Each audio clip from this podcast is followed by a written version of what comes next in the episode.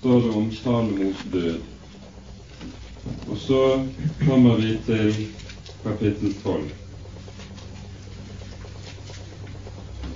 Rehabeam dro til Sikkem, for hele Israel var kommet til Sikkem for å gjøre ham til konge. Da Jeroboam, Nebats sønn, hørte det, han var enda i Egypt, han var flyktet dit for kong Salomos, som, og bodde således nå i Egypt, men de sendte bud dit og kalte ham hjem.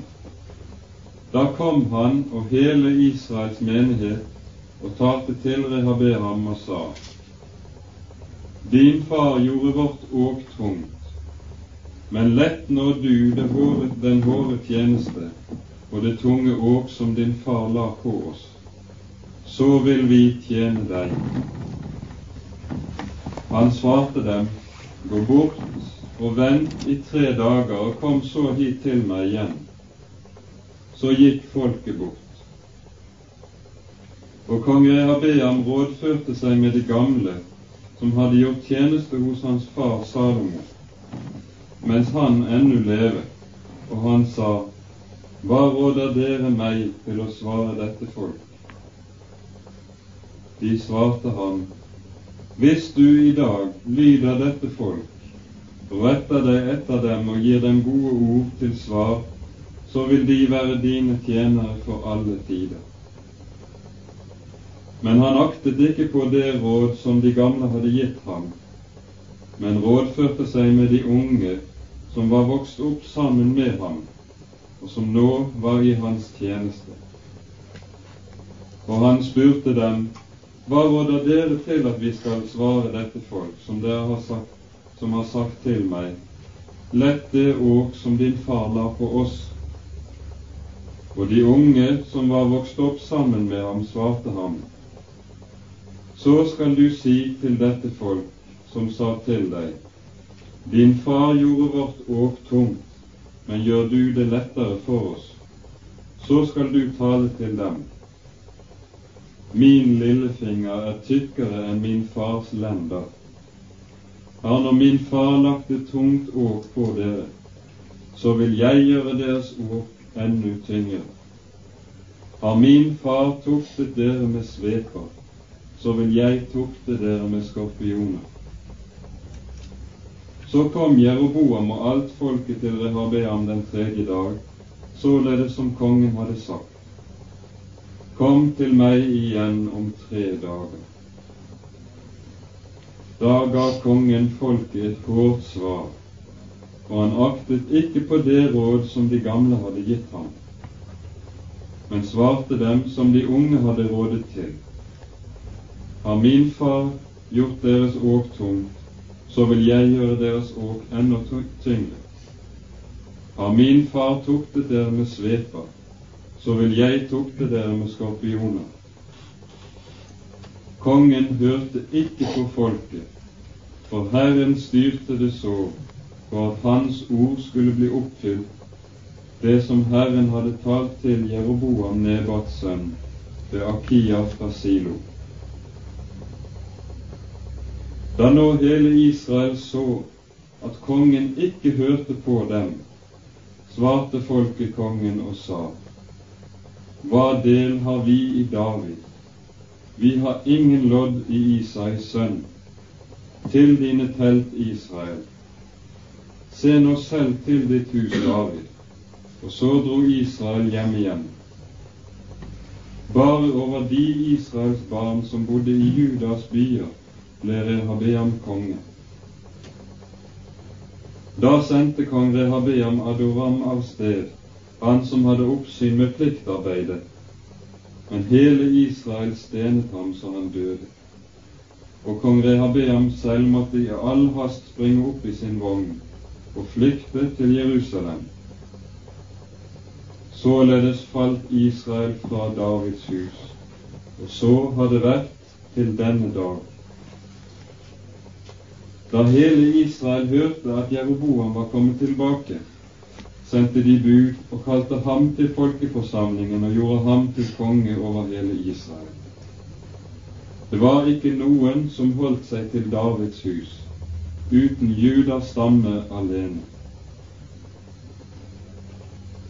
Da Rehabeam kom til Jerusalem, samlet han hele Judas hus og Benjamins stamme, 180 000 utvalgte krigsmenn, for at de skulle stride mot Israels hus og vinne riket tilbake for Rehabeam, Salomos sønn.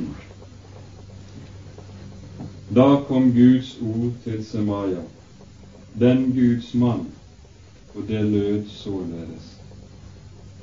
Si til Rehabeam, Salomos sønn, Judas konge, og til hele Judas og Benjamins hus og resten av folket.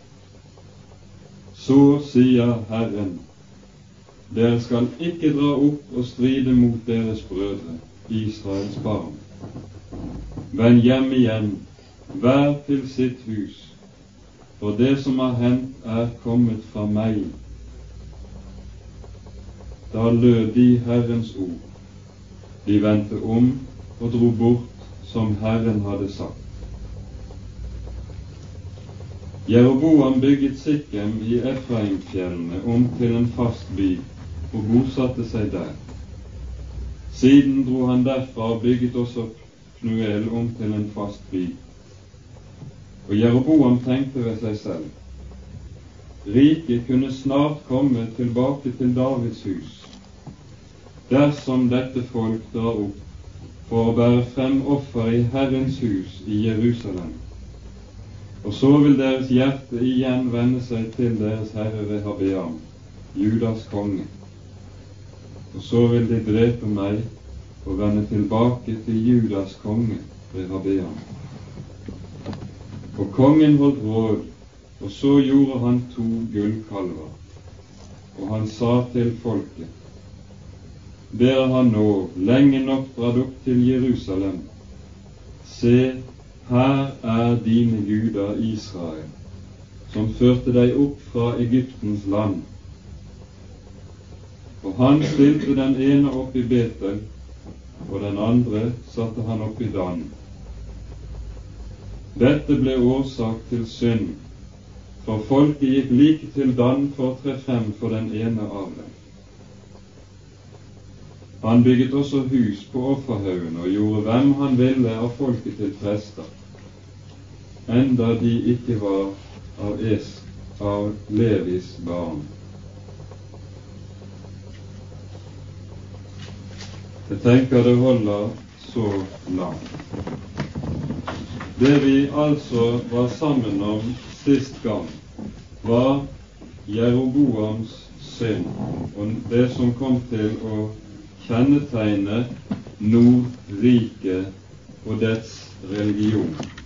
Vi kan godt si det slik at Nordriket, det nordlige Israel, hadde sin sjel i disse gullkalvene. Her finner vi deres sjel og deres religion i en sum. Og i dette ligger også deres egentlige fall.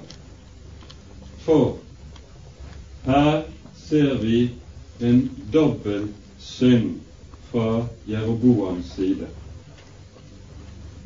For når Jeroboam gir seg fore å sette opp to helligdommer, to religiøse sentra utenom Jerusalem og tempelet der, så gjør han det for å trygge sin egen makt. Og han gjør det i uttrykkelig vantro mot Herren selv. Gud hadde lovet Jeroboam i kapittel 11, vers 38 dette. Hvis du hører på alt det jeg byr deg, og vandrer på mine veier og gjør hva rett er i mine øyne, således som min tjener David gjorde, så vil jeg være med deg og bygge deg et hus som står fast, like som jeg gjorde for David, og jeg vil gi deg Israel. Dette hadde Gud lovet Jeroboam. Men vi ser at Jeroboam tror egentlig ikke på Guds løfte. Han føler seg så usikker på grunn av sin vantro at han kjenner seg nødt til å sikre seg på annet vis. Og Det gjør han delvis militært, selvfølgelig, og religiøst. Og Her ser vi en maktfaktor som opp gjennom historien alltid har betydd uhyre mye. Sammenknytningen mellom religiøsitet og nasjonalisme. Når de to tingene bindes sammen, blir det en veldig politisk maktfaktor.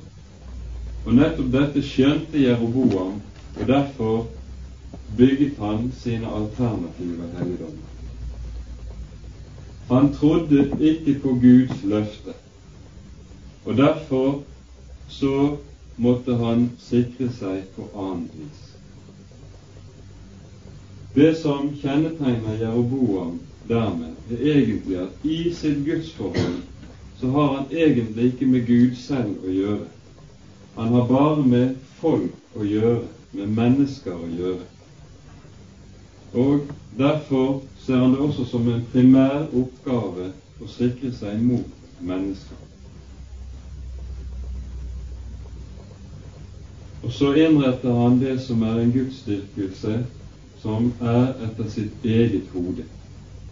Det er en gudsdyrkelse som raskt blir populær. Folk i Israel tar det opp med en gang, for dette var en mye enklere og greiere og praktisk måte å dyrke Gud på enn å skulle reise opp til Jerusalem. Der var det en usynlig Gud, som var en hellig og nikjær Gud, som var lovens Gud. Her kom Jeroboam med guder som var synlige, som var lettfattelige og konkrete, og som var slik folk ville ha det. Vi kan si det slik at Jeroboam imøtegår folks religiøse behov. Og Derfor får også disse gullkalvene som han setter opp i Betel og i Dan, en slik veldig makt over Israels folk. Det som kjennetegner den bibelske religion, til forskjell fra eller vi skulle kanskje si den bibelske tro, til forskjell fra dette, er nettopp at den bibelske tro ikke imøtegår folks religiøse behov. Det som nemlig er sannheten om vårt falne menneske og vår falne natur, er i sagt uttrykkelig i Romerbrevet slik at vi av naturen ikke søker Gud, altså enhver søken etter Gud som vi kan se hos mennesker, det er ikke en søken etter en le, den levende og sanne Gud, men det er en søken etter surrogater. Det er ikke ett menneske på denne jord som søker den levende Gud. For det er en himmelvid forskjell mellom den religiøsitet som springer ut av mennesket selv og dets eget hjerte. Det er menneskeverk, det er noe som kommer nedenifra. Og den tro som er gitt ovenfra av Gud selv. Der er, der er det ikke tale om menneskeverk eller mennesketanker som ligger bak. Der er det Guds tanker som kommer. Og det som kjennetegner det som kommer fra Gud, det er sagt i 1. Korinterbrev 2,8. Det er det som ikke kom opp i noe menneskets hjerte, det som ikke noe menneske har hørt med sine ører eller sett med sine øyne eller tenkt med sin forstand. Det kjennetegner den levende Gud og alt han har å komme med. Og Derfor ser vi også, når vi trekker den historiske linjen inn i Det nye testamentet, at de mennesker som reagerer aller hårdest på den Herre Jesus, som kom ovenifra det var de som nettopp var religiøse som trodde at Guds oppgave var å imøtegå menneskenes religiøse behov, tilfredsstille den naturlige menneskelige religiøsitet. Det er nettopp det som ikke er tilfellet. Hvis Gud skal komme til i våre liv, så må Han tvert om nettopp plukke i stykker vår naturlige religiøsitet, vår trang til å dyrke Gud etter vårt eget hode og på våre egne premisser. Alt det må han ødelegge før han kan komme med sitt eget. Fariseerne ville aldri dette. De reagerte og reagerte med raseri på Jesus når han kom. Og slik har alltid den naturlige menneskelige religiøsitet vært Guds åpenbaringens svorne fiende.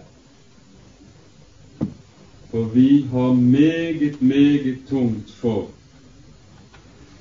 å ta til oss dette her, at Gud ikke er etter vårt hode, og at Han ikke, når Han vil gjøre en gjerning, vil stelle seg etter våre tanker om hva som er rett og fornuftig og godt. Det er ikke bare uomvendte mennesker som har det problemet. Men også når vi er blitt kristne, så har vi like vanskelig for å ta på alvor dette at Guds tanker alltid ikke bare er annerledes enn våre tanker, men er like høyt over vår, hevet over våre tanker som himmelen er over jorden.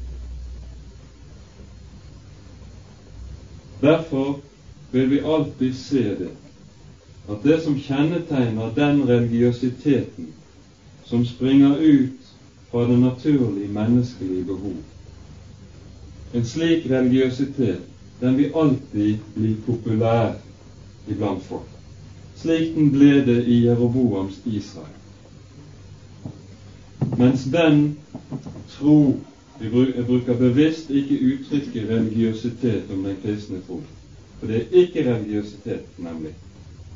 Den tro som er gitt av Gud, den vil alltid iblant det store flertall av mennesker være upopulær, bli motsagt og bekjempet aller mest av de religiøse, kanskje av de religiøse autoriteter.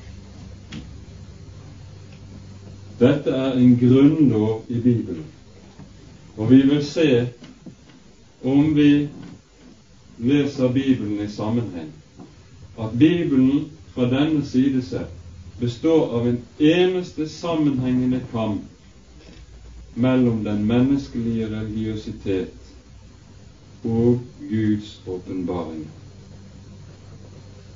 Denne kampen opphører aldri gjennom hele Bibelen var den ved. Fra første Moseboks fjerde kapittel eller tredje kapittel og inn i Johannes' åpenbaring. Det er samme sak. De ytre gevanter er forskjellige under de forskjellige historiske perioder. Men saken er den samme hele veien opp gjennom historien. Derfor må vi regne med som en kjensgjerning at den bibelske tro og åpenbaring aldri vil være noe som er lett akseptabel, verken for det store flertallet av mennesker, og kanskje i perioder også for det store flertallet av de som søker til kirker eller bedehus eller andre religiøse sentre. Det kan være perioder i Guds rikes historie hvor også Guds sannhet blir landflyktig i kirke og i bedehus. Det ser vi mange vitnesbyrd om både i Bibelen og i kirkehistorien. Om det samme skjer, skulle skje i våre dager, har vi ingen grunn til å bli overrasket over noe slikt.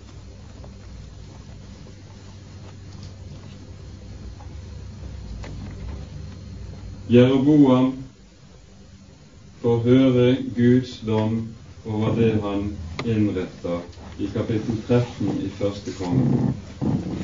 Og det var det vi sluttet med sist gang. Senere i Det gamle testamentet kalles disse kalvene og Israels dette at Israel hang ved kalvene, gullkalvene, det ble kalt rett og slett for Jeroboams, Nebats sønns synd. Det er standarduttrykket. Og det står om hver eneste konge i Israel senere, om den var ond eller god ellers på andre områder i sin regjering, så står det som et gjennomgangstema når hans regjeringstid skal oppsummeres, så står det alltid Men fra Jeroboams, Nebats sønns synd, vek han ikke. Dette er gjennomgangstema for alle Israels konger senere. Vel, nå vender vi oss til Rehabeam, til Juda, Jerusalem og Sydriket. Når Rehabeam kommer på tronen, så er han underlig nok Salomos eneste sønn, enda han hadde 900 koner og medhustruer og konkubiner. Så fikk han likevel bare én sønn, og det står i Bibelen bare omtalt to døtre av ham. Vi må undre oss over dette. Salomo dør bare 58 år gammel. Og han blir ikke gammel slik han var lovet tidligere. Gud hadde lovet han at dersom han holdt fast ved hans ord og ikke vek bort fra ham, så skulle han bli en gammel mann på sin trone. Det skjedde ikke fordi han vendte seg vekk fra Herren på, i slutningen av sin regjering. Salomo hadde bygget et rike som både var stort, det var sterkt militært, det var rikt når det, vi ser på velstanden og vi kunne si at rent utenrikspolitisk så sto det trygt.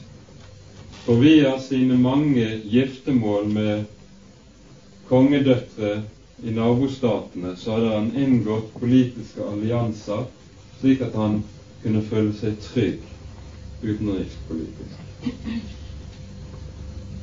Men han hadde altså en indre svakhet i sitt rike som raskt kom til syne etter hans død.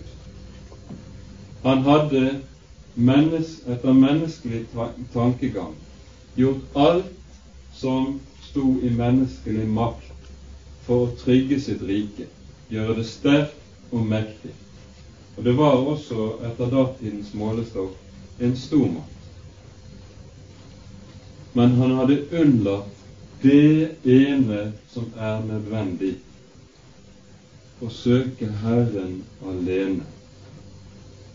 Han hadde altså snudd om på den rekkefølgen som Jesus gir oss i bergprekenen, der han sier 'Søk først Guds rike, så skal dere få alt det andre i tilgift'. Det han hadde gjort, var det motsatte. Han søkte alt det andre og så søkte han Guds rike sånn i tilgift. Og så får han erfare sannheten i ordene i Salme 33. Og de tror jeg vi skal lese i sammenheng.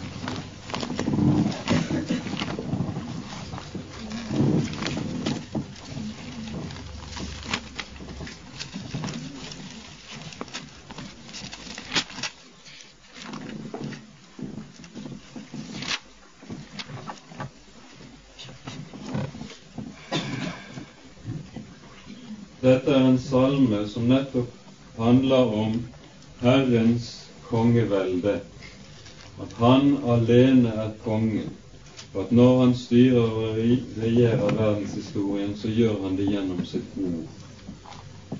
Og så står det i, i versene, først i vers 10 og 11 Herren omstøter hedningenes råd.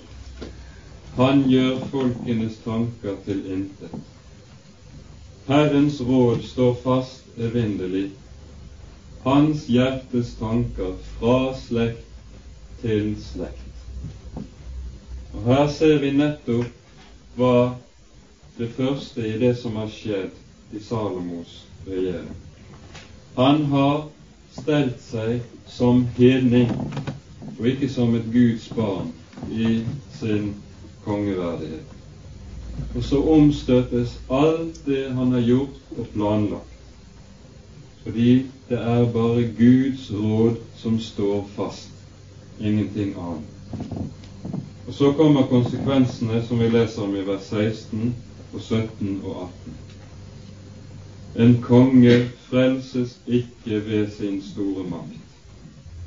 En helt reddes ikke ved sin store kraft. Hesten er ikke å stole på til frelse, og med sin store styrke redder den ikke. Se, Herrens øyne ser til dem som frykter ham, og som bier på hans miskunnhet. Men Salomo hadde aldri så mye makt og styrke. Man hadde aldri så mange hester og stridsvogner. Det hjalp ham ingenting når han var forlatt av Herren. Fordi Israels eksistens som folk sto og falt med én eneste ting dets forhold til dets hjerteforhold til Han som er Herre. Det hang det hele på.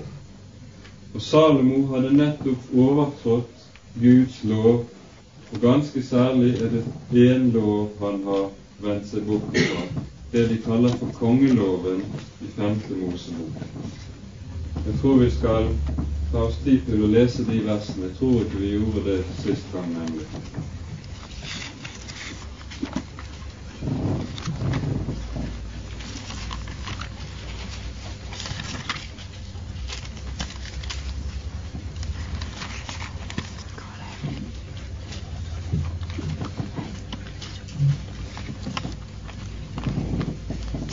Femte Mosebok, 17. kapittel.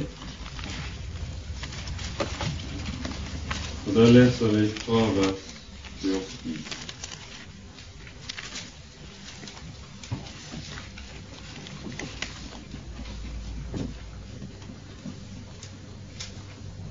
Når du kommer inn i det land Herren din Gud gir deg, og du eier det og bor i det, og du så sier jeg vil sette en konge over meg, like som alle de folk som bor rundt omkring meg.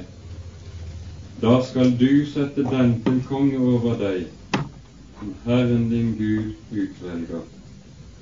En av dine brødre skal du sette til konge over deg. Du må ikke sette over deg en fremmed mann, en som ikke er din bror. Men han skal ikke holde mange hester og ikke sende folket tilbake til Egypt for å hente mange hester. For Herren har sagt til dere, dere skal nå ikke mer vende tilbake den vei. Han skal heller ikke ta seg mange hustruer, for at hans hjerte ikke skal komme på avveie. Heller ikke skal han samle seg meget sølv og gull. Når han så sitter på sin kongetrone, da skal han få denne lov hos de levittiske prester og la den skrive av for seg i en bok. Den skal han ha hos seg og lese i den alle sitt livs dager, for at han kan lære å frykte Herren sin Gud, så han tar vare på alle denne lovs ord og disse forskrifter og holder dem. Legg merke til følgesetningen her i det siste verset. Gudsfrykten kommer igjennom Guds ordet, ikke på noen annen måte. Gjennom å ta til seg, lese høre og grunne på det ord som er gitt ovenfra. Gjennom det gis gudsfrykten. Ikke på noen annen måte. Dette hadde Salomo unnlatt og stelt seg slik at han gikk stikk imot dette Gud hadde sagt her. Han samlet seg nettopp meget sølv og gull, mange hustruer, mange hester, så han fikk stor militærmakt osv. Og så var fallet forberedt, og delingen av Israel forberedt gjennom dette som Salomo hadde gjort. Denne kongeloven fra Guds hånd er nemlig gitt med ett bestemt formål for øyet, som vi skal være oppmerksom på. Gud ville nettopp hindre sitt folk fra å bli en verdslig politisk stormakt. Det var ikke Guds folks kall. De skulle være et lite folk. De skulle være et folk uten stor makt. Fordi det alltid er farlig for Guds folk å bli sterke og få makt eller å bli rike. Det er noe som alltid fører til frafall. Det er ikke noe som bare av og til kan gjøre det, muligvis. Men det er noe som alltid gjør Det ser ut som det er en naturlov. Og dette forfall og frafall viser seg ofte å være skjult, slik at man opprettholder bak en fin fasade som ser from og gudelig ut, så blir det allikevel noe råttent innvendig, som ikke holder den dagen det prøves.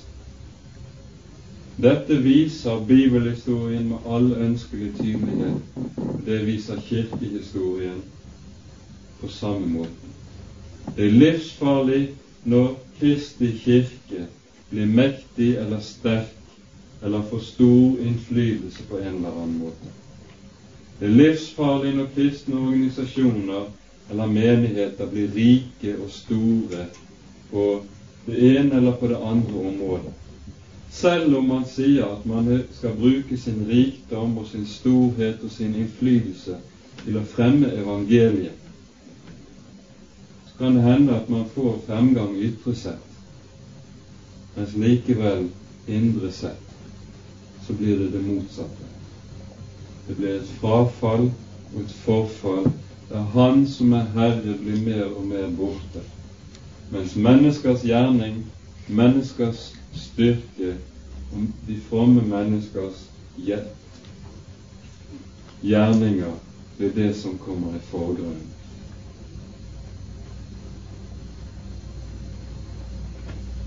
Derfor er det aldri farlig når kristne organisasjoner eller menigheter jevnt over er små, eller om de er fattige når det gjelder pengemidler eller andre slags midler.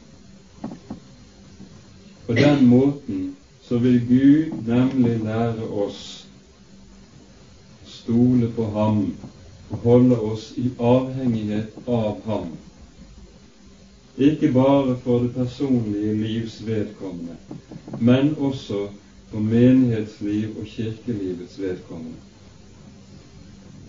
Det er aldri farlig å være i pengemangel i Guds rike, men det er jommen farlig å være det motsatte. Og dette er kanskje noe vi har glemt å tenke på i våre dager.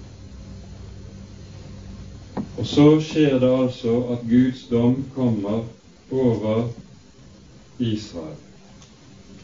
Det riket som Salomo hadde gjort til en stormakt, det gjør Gud igjen til en liten makt gjennom at han deler det, og så kommer borgerkrigens ulykker som svekker begge rikene gjensidig. Alliansene som Salomo hadde bygget opp med de fremmede folk og gjennom inngifte, de plukkes etter hvert i stykker, én for én.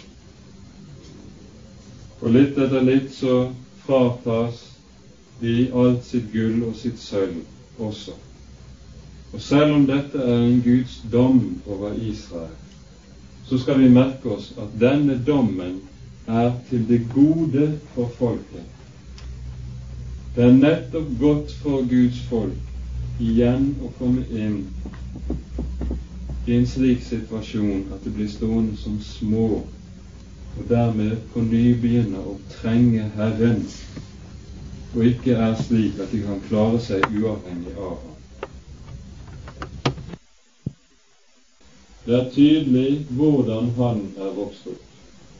Det ser vi når han blir bedt om fra utsendingene fra Israel, fra Nordriket, om å ettergi dem de tunge byrdene som Salomo hadde lagt på dem.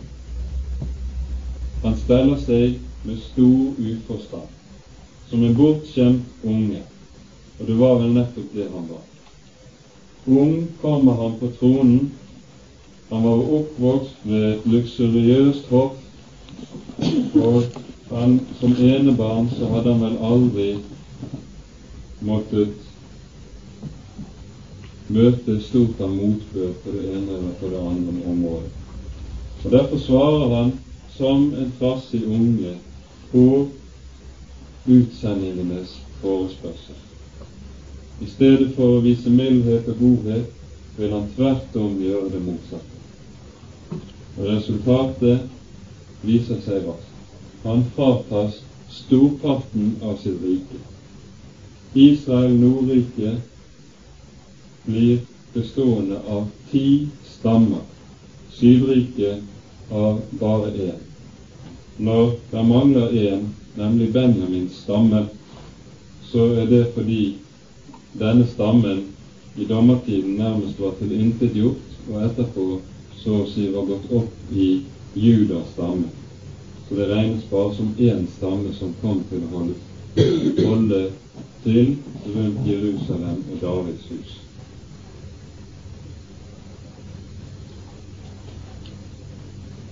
Og så ser vi noe som igjen er karakteristisk for et menneske som Gud kommer inn til og begynner å stelle med. For det var jo ikke bare det at Gud ville frata Rehabeam noe, men det var noe som hadde vært godt for Rehabeam å ta til seg om han ville høre Gud. Men han ville ikke gi etter. Gud tar fra han de ti stammer. Og så gjør han alt for å tviholde på dette Gud gir ham. Han samla hæren sin, og det var ingen liten hær. Salomo hadde jo stor militærmakt for om mulig å gjenerobre de ti stammene. Og så vil han tviholde på noe Gud har fratatt ham. Og dette er vel noe som ikke er helt sjelden hos oss også. Gud kan rett som det er komme når han vil inn i våre liv, slik at han tar fra oss både det ene og det andre som vi synes kan være dyrebart og stort og verdifullt, slik at vi kjenner oss som ribbet og fattige dersom vi skulle miste dette som vi ser ut til å bli fratatt. Og så gjør vi alt vi kan for å holde på det som Gud vil frata oss. Det kan godt hende at Gud ser det som nødvendig å ta fra oss til og med det Han selv har gitt oss sine egne gaver, fordi vi er kommet inn i et slikt forhold at vi begynte begynt å misbruke det, eller fordi Han ser det er noe annet vi trenger til. Tenk bare på den dagen Abraham ble fratatt sin sønn Isak og skulle ofre ham. Det eksempelet skulle lære oss at Gud kan frata oss både det ene og det andre når Han ser det er nødvendig for å stelle med oss. Og når Han fratar oss noe, så er det nemlig alltid slik at det har én bestemt hensikt å binde oss fast til Ham selv, slik at vi blir avhengig av Hans ord alene. Når Abraham nemlig ble fratatt Isak, så er ikke det bare slik som vi med våre øyne overfladisk og ytre sett betrakter det som noe som en grusom Guds prøvelse av en mann. Men det Abraham reelt ser ut til å bli fratatt, det er Guds eget løfte om frelse og velsignelse over sitt liv. Og Derfor var prøven mer enn hår for Abraham. For hva var det som var knyttet til Isak for Abraham? Gud hadde knyttet til Isak løftet om at i denne sønnen skulle ikke Abraham, bare Abraham selv bli velsignet, men alle jordens slekter overhodet, slik at verdens frelser skulle bli født i Isaks etterslekt.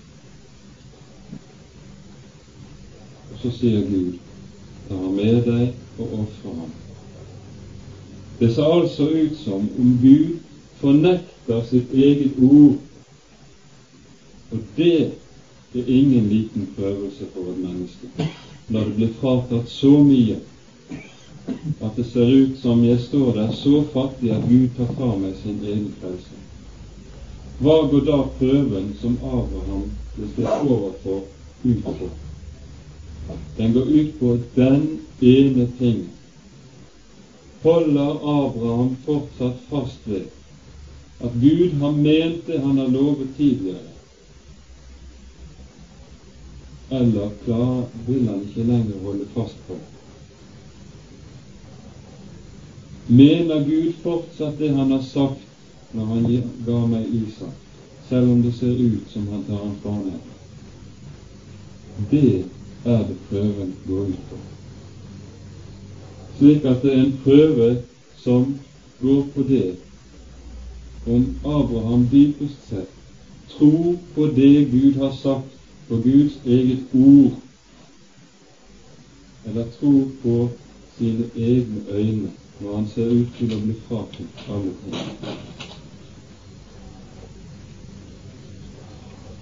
Ingen av oss blir prøvet på samme måte som Abraham, og så hardt som Abraham. Han står der for å vise oss noe av Guds måte å arbeide på og hva Han vil når Han tar fra oss noe i livet. Da må vi ikke stelle oss som Rehabeam gjorde, ved å prøve å tviholde på noe som vi trodde var et gode, men som var farlig for oss. For i det at Gud fratar oss både det ene og det andre som vi tror er gode, så ligger det velsignelse igjen for oss.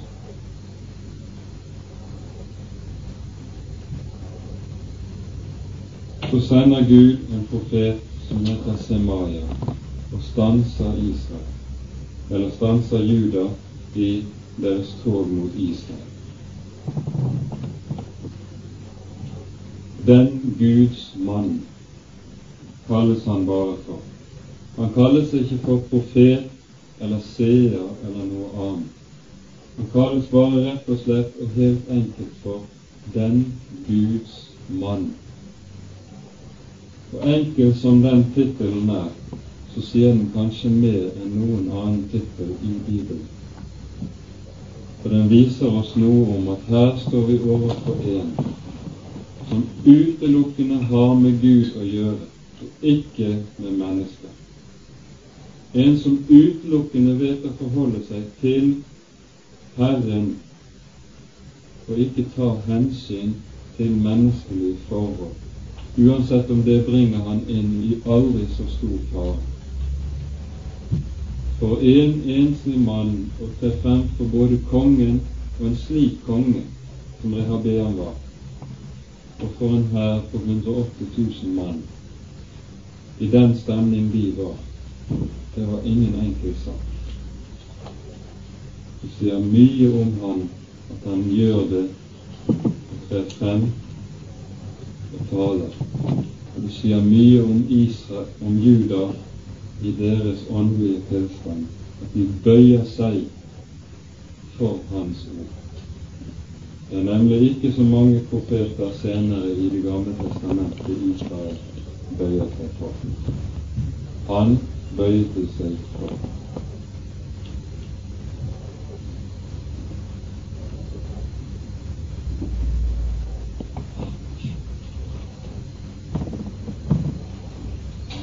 Nå er det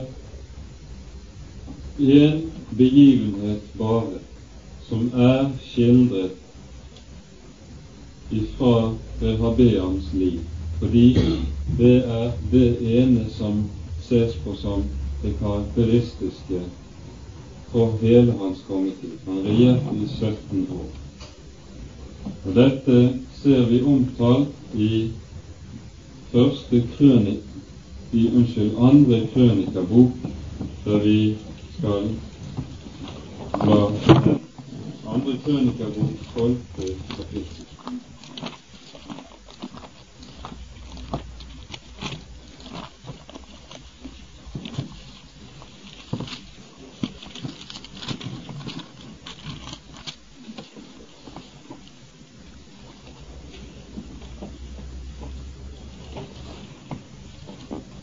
Står det i ellevte kapittel om hvordan den store mengden av de som ikke ville, ville følge i Jeroboams fotspor i Nordrike, emigrerer, de drar sydover til Juda og slutter seg til Sydriket. Og så står det i vers 16 og 17 med dem fulgte fra alle Israels stammer de som vendte sitt hjerte til å søke Herren, Israels Gud. De kom til Jerusalem for å ofre til Herren sine fedres Gud. De styrket Judas rike og trygget kongedømmet for Rehabean, Salomos sønn, i tre år. For i tre år vandret de på Davids og Salomos vei. Men så står det i det første verset i kapittel 12. Men da Rehabeams kongedømme var blitt trygget, og han var blitt mektig, forlot han Herrens lov, og hele Israel med ham. Dette er betegnende nettopp ut fra det vi talte om i sted, hvor unnskyld, hvor farlig det er for Guds folk å bli sterk og mektig. Rehabeam var blitt stanset i sitt frafall gjennom begivenhetene under tronstigningen. Han hadde skjønt da hvor farlig det ville være for ham å tre inn på andre veier. Men så går det et par år, og han kjenner seg trygg og sikker. Da faller både han fra og alle som kjenner seg trygge, med ham. Og hva dette forfall og frafall går ut på, det er nærmere omtalt i første kongeboks 14. kapittel. Vi behøver ikke å slå opp der, vi bare leser fort. For vi skal lese på ny fra Krønikerne 12. Rehabeam, Salomos sønn, var konge i Juda. Han var 41 år gammel da han ble konge. I parentes bemerket er dette antagelig en skrivefeil. Han var antagelig 21 år gammel da han ble konge. Og Han regjerte altså 17 år i Jerusalem. Og Juda gjorde hva ondt var i Herrens øyne, og med de synder de gjorde, egget de Herren til nidkjærhet mer enn deres fedre hadde gjort. De bygget seg offerhauger og gjorde seg støtter og startebilder på hver høy bakke og under hvert grønt tre. Der var endog tempelbolere i landet. De tok etter de vederstyggelige skikker hos alle de hedningefolk som Herren hadde drevet bort for Israels barn. Her beskrives frafallet. Og dette er ingen liten ting. For nå ser vi at noe bryter opp igjen, som gjennom Davids tid på grunn av profeten Samuels virke var stanset opp, nemlig Israels tilbøyelighet til å vende seg til balstyrkelsen. Nå begynner det å spire frem igjen. Og grunnen aner vi, for den er nøyaktig den samme som den var i dommertiden i Israel. Nemlig den at Israel inngikk i forbindelser med de omkringliggende folk, som gjorde at de skikket seg like med dem. De tok etter deres kirker og deres seder, og gjennom dem, dem kom også deres religiøsitet inn. Og Der var det altså og balsdyrkelsen som var det fremherskende.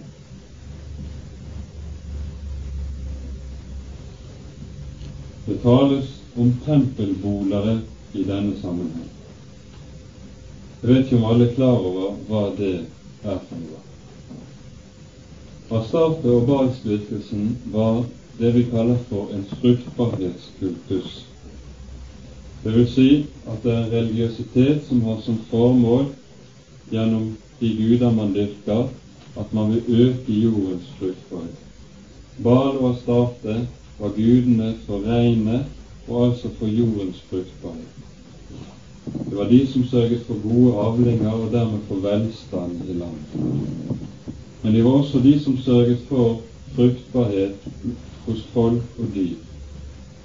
Og dermed så kom dyrkelsen av dem til å inneholde et sterkt seksuelt moment. Og dyrkelsen av dem, i det inngikk det ofte ved festene seksuelle orgier. Derfor på grunn av denne sanseligheten som lå i Guds i Bal og startedyrkelsen, så var dyrkelsen veldig besnærende for Israels folk. Og vi ser at de på ny og på ny faller i denne grøften. Når det er tale om tempelboliger her i denne sammenheng, så er det noe som hører helt naturlig med i sammenhengen. Vi vil si tempelprostitusjon i våre dager. I Astarte og Balstemplene var det nemlig prostituerte som hadde gitt sitt liv til guden Astarte eller Bal, og som dyrket dem gjennom å være prostituert. Så kunne man gå til en prostituert i tempelet, betale penger til guden og dyrke guden gjennom sin seksualitet. Denne tempelprostitusjonen var helt alminnelig i hele Midtøsten. Og vi ser senere i Judas historie at i den verste forfallstiden så omgjøres til og med Jerusalems tempel til et slikt sted hvor tempelprostitusjonen får plass. Men det ligger noen, noen hundre år fremover i tid. Dette som skjer i Rehabeams kongetid, er betyr ikke det at Rehabeam offentlig forkaster eller fornekter den levende Gud. Det gjør han ikke. Verken han eller Israel som folk gjør det. Det de gjør, er tvert om bare det at de tillater og tolererer at man dyrker andre guder ved siden av. De dyrket Herren også i Jerusalems tempel. Men så dyrket de bare og starte der det passet.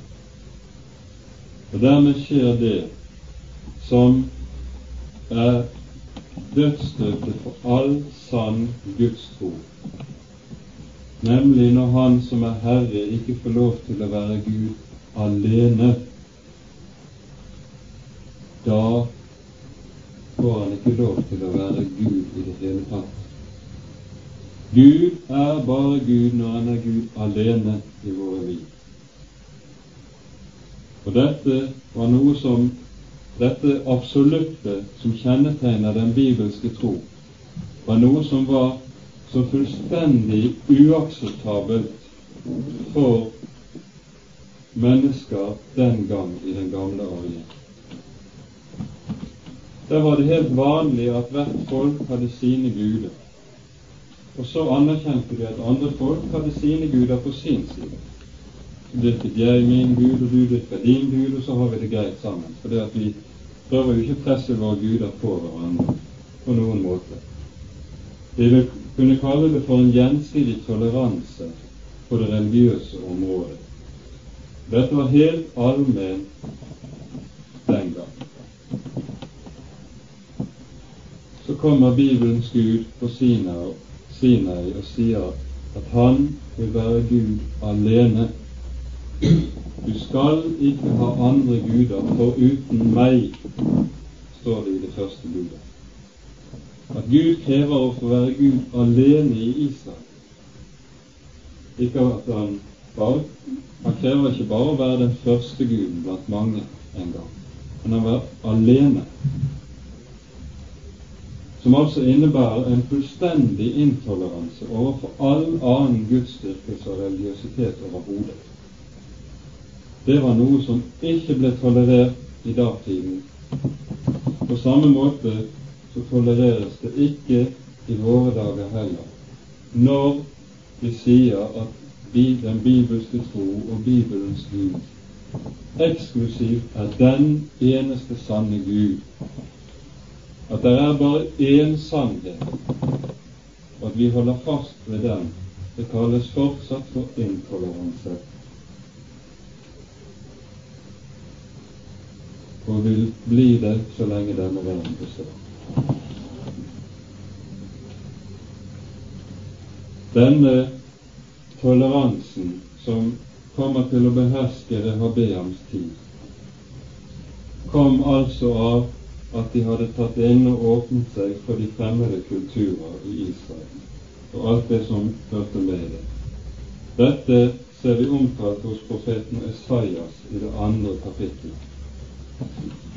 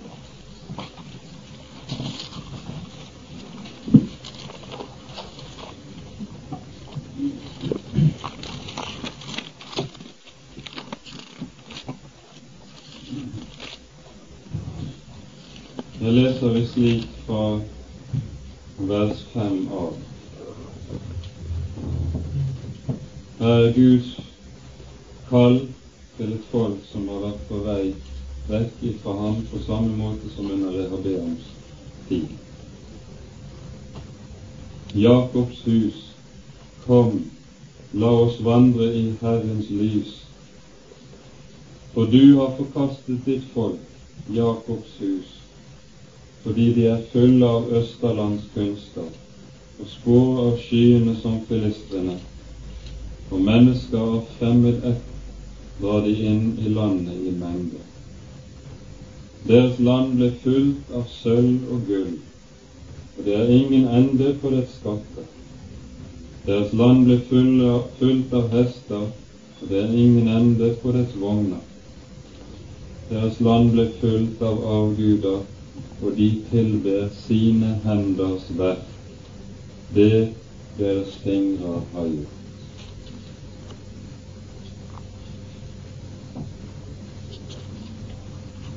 Så skjer altså dette som er det stikk motsatte av den formaningen som Guds folk fikk gang på gang gjennom Det gamle testamentet, og som også kommer til uttrykk i Det nye testamentet, der det står slik Skikk dere ikke like med denne verden.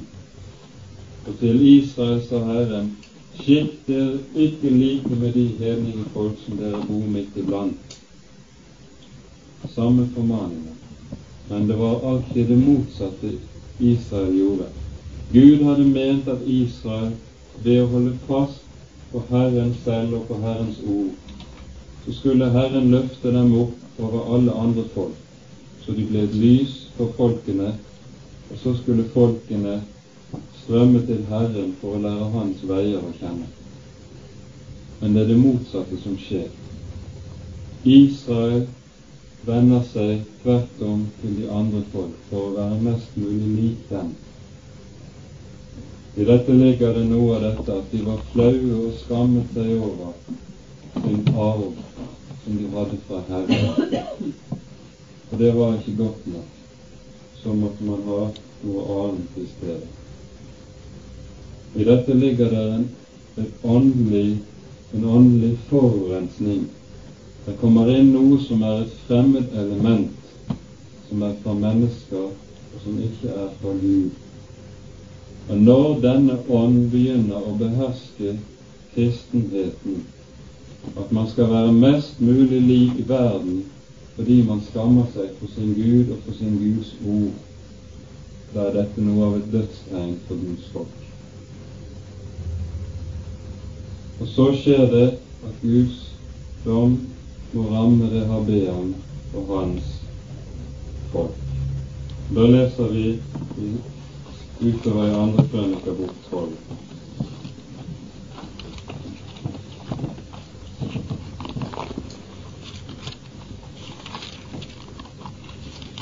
Da hendte det i kong Rehabeams femte år at Egyptens konge Sisak dro opp mot Jerusalem for de hadde båret seg troløst av mot Herren.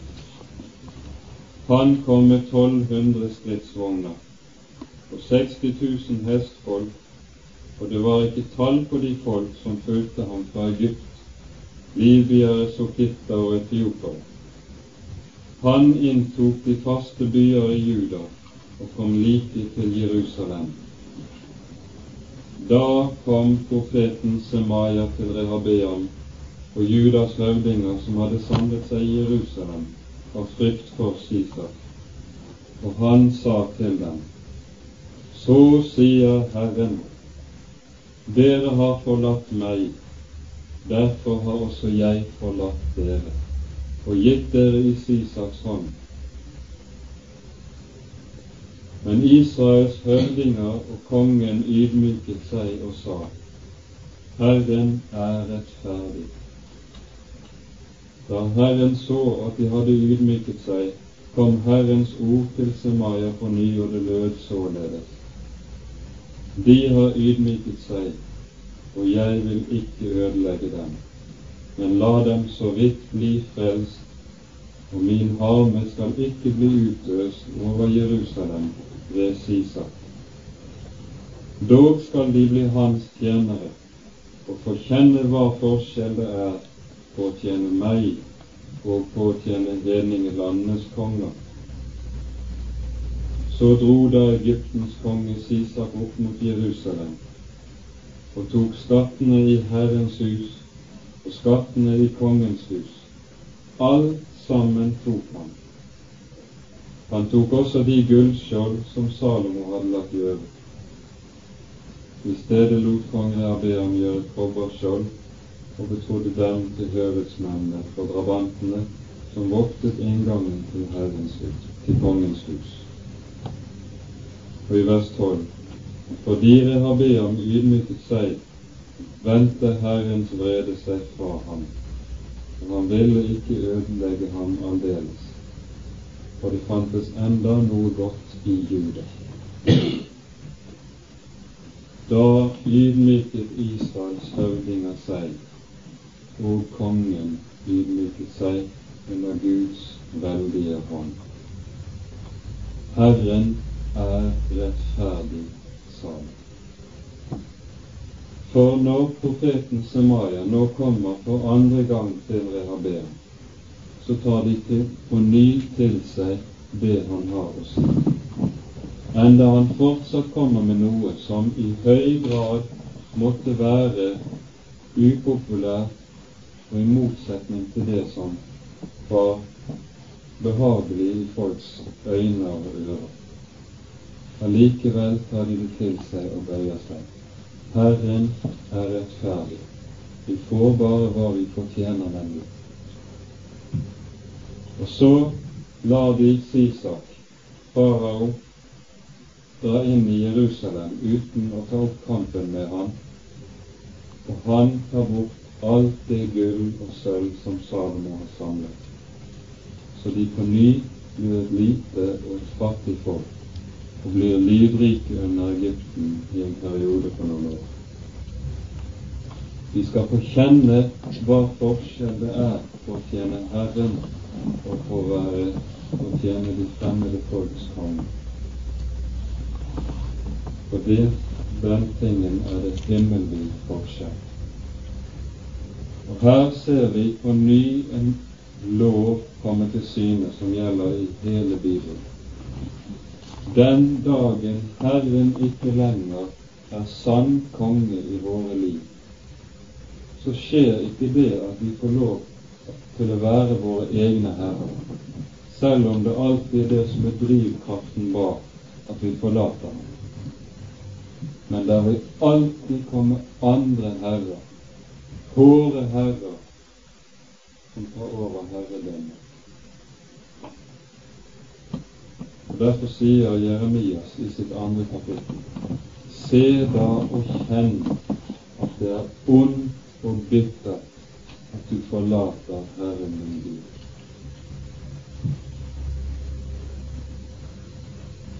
Det er aldri farlig å ta til seg Guds dom når den møter oss. Det som er farlig for oss, det er å vende ryggen til det ordet Gud taler. For når Gud kommer og taler, om han taler aldri så hårdt, og han plukker oss aldri så mye når han taler, så er det godt for oss at vi tar det til oss. For det er ikke av hjertet han refser menneskenes barn, men for at de skal omvende seg og leve. Alltid det som er Guds hensikt når han taler hårdt til oss. Han taler aldri hårdt fordi han vil plage, men fordi han vil frelse. Men ved oss den dagen Gud ikke lenger taler, og ikke lenger taler hårdt engang, men blir stille. Den dagen har han forlatt oss. Og vi trenger å be om at den dagen aldri kommer over oss eller over vårt folk. Og så lenge han taler, så er det håp for oss, og vi kan leve. Der tror jeg vi stanser for i dag.